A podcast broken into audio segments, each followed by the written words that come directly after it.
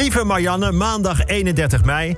De 56-jarige Boris Johnson is in het geheim getrouwd met Carrie Simons, zijn derde vrouw. Zij is 23 jaar jonger.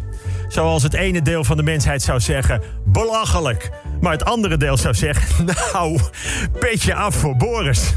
Als je het zou omdraaien, bijvoorbeeld een man van 33 met een vrouw van 56... dan zegt de groep die net nog het petje afnam dat het echt walgelijk is. En ik moet toegeven dat ik er zelf ook niet aan moet denken om... Een, maar daar gaat het allemaal niet om. Wat is voor de meeste mensen een acceptabel leeftijdsverschil? Nou, sommige mannen rekenen met eigen leeftijd gedeeld door 2 plus 8. Weer andere mannen zeggen leeftijd van mijn eigen vrouw min 10. Of zoals de inmiddels overleden Wim Suurbier zei... als ze ouder zijn dan mijn schoenmaat, dan gaan ze eruit. Nou. Ik wil voor de luisterende vrouwen nog een hoopgevend citaat geven... van Bette Midler in haar personage van Sophie Tucker. Ik pas de leeftijden die zij noemt een beetje aan het voorbeeld van Boris Johnson aan. Sophie Tucker die zegt over haar man Ernie... met zijn 23 jaar jongere vriendin... Oké okay, Ernie, when I'm 56 I will also take a 23 younger boyfriend... and let me tell you this Ernie. 33 goes into 56. A hell of a lot more than 56 goes into 33. Nou, Boris Johnson, maar is het allemaal waar? We kennen allemaal keizer Nero, je weet wel. Incestueuze relatie met zijn moeder. Zijn eigen vrouw vermoord toen ze zwanger was. Spelend op zijn lier toen Rome in de fik stond. Geschiedschrijvers hebben dit nog één keer helemaal uitgezocht. En wat blijkt? Het is helemaal niet waar. Nero was super populair. Zeker onder het volk. Hij zorgde voor brood en spelen, gaf gratis geld. Heeft na veldslagen de boel veel beter opgebouwd. Het was een hele toffe peer. Dat zeiden de Romeinen ook. Nero est toffes perus. Nero is gewoon het slachtoffer van kwaadaardige spindokters. Hij is gruwelijk gevreemd. Oh, een aardige man, Nero. Dat bestond toen dus ook al. Zo gaat het heel vaak. Dus snap je wat ze ook allemaal zeggen over Frank? Het is gewoon een hele aardige man. Op Nieuw-Guinea is een nieuw soort kikker ontdekt. De bruine boomkikker. Door de ontdekkers chocoladekikker genoemd. Maar hij was nog niet ontdekt of alweer opgegeten door de heren Veldhuis en Kemper. Dinsdag 1 juni. Ik wil, als ik ergens mee zit, graag een mens spreken. Ja, noem maar raar. Zo ben ik. Ik, wil, ik, ja, ik praat gewoon graag met, met mensen. Dat is logisch. Nou, voor een aantal bedrijven niet. Wordt steeds moeilijker, steeds onpersoonlijker.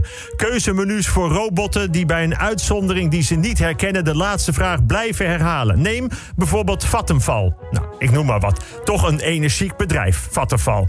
Ik probeerde een vraag te stellen over een gestuurde factuur voor mijn inmiddels drie maanden geleden overleden moeder. Gewoon even vragen waarom nog die factuur en of de gevraagde beëindiging van het contract goed was doorgekomen.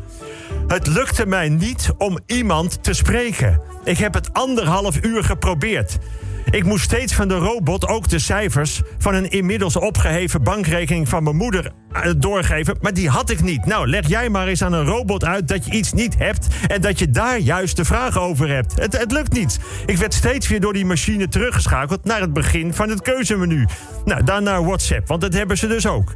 Eerste vraag op WhatsApp aan mij. Uh, ja, dag. En ik vraag, kan ik iemand spreken? Nee, dan moet je eerst de cijfers geven die ik niet heb. Het is inmiddels vijf kwartier later. Ik wil een mens, een mens met een stem. Die bijvoorbeeld zegt, hallo, met Atteval van Vattenval of weet ik veel. Meneer Heerschop, heeft u een vraag? Kan ik u helpen? Nee, dat is. Ik word er gek van. Na 1 uur en 25 minuten heb ik eindelijk contact met mijn moeder. Ja, mensen, die is dood, maar die reageert nog sneller dan dat grote onpersoonlijke bedrijf. Rustig aan, zegt ze. Komt goed, jongen. Komt goed. En pas dan verbreek ik de verbinding. Want zij lost het wel op. Woensdag 2 juni Oranje onder 21 heeft met 2-1 gewonnen van de absolute favoriet Frankrijk. Frankrijk met een team met een dagwaarde van 550 miljoen. Oranje met spelers die nog gewoon contributie betalen. Terwijl de Fransen bij een stand van 1-1 vooral aan het bedenken zijn hoe ze in de verlengingen gaan afmaken, maakte Boadou in de 93ste minuut de winnende treffer. De laatste minuut. Herrliche Stor. Want het was op Duitse manier in de laatste minuut. Hoewel donderdag speelt Jong Oranje tegen de Duitsers. En ik begrijp dat ze tegenwoordig juist in de eerste minuut scoren. Maar goed, daar zal Jong Oranje ook wel rekening mee houden.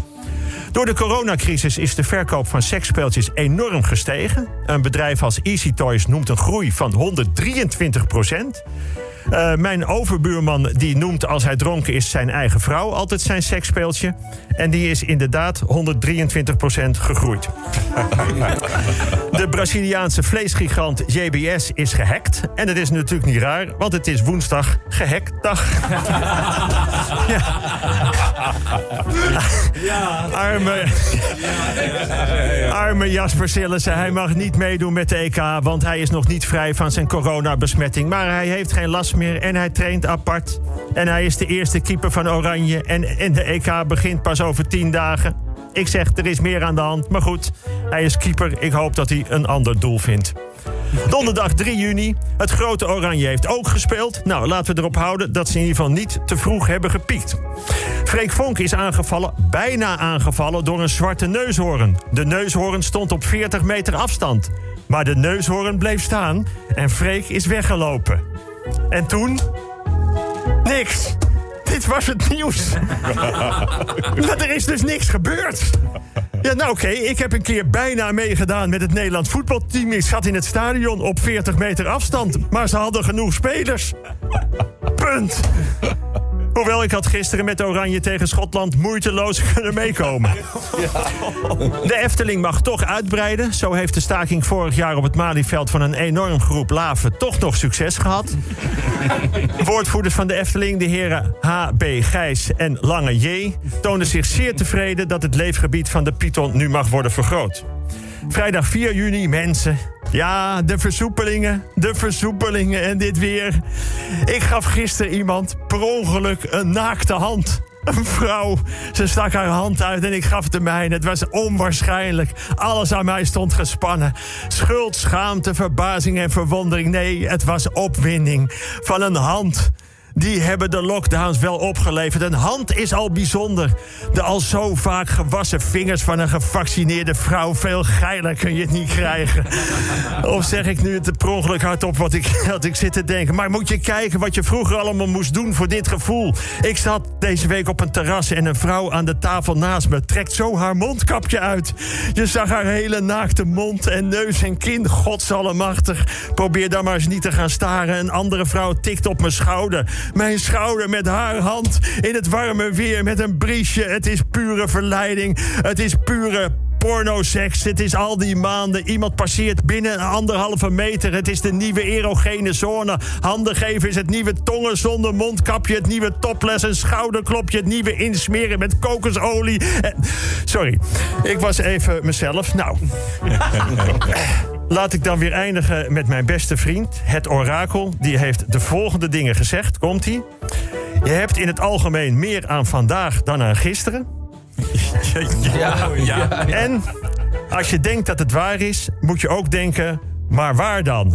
Nou, um, wow. denk er rustig over na. Volgende week gaan we weer verder.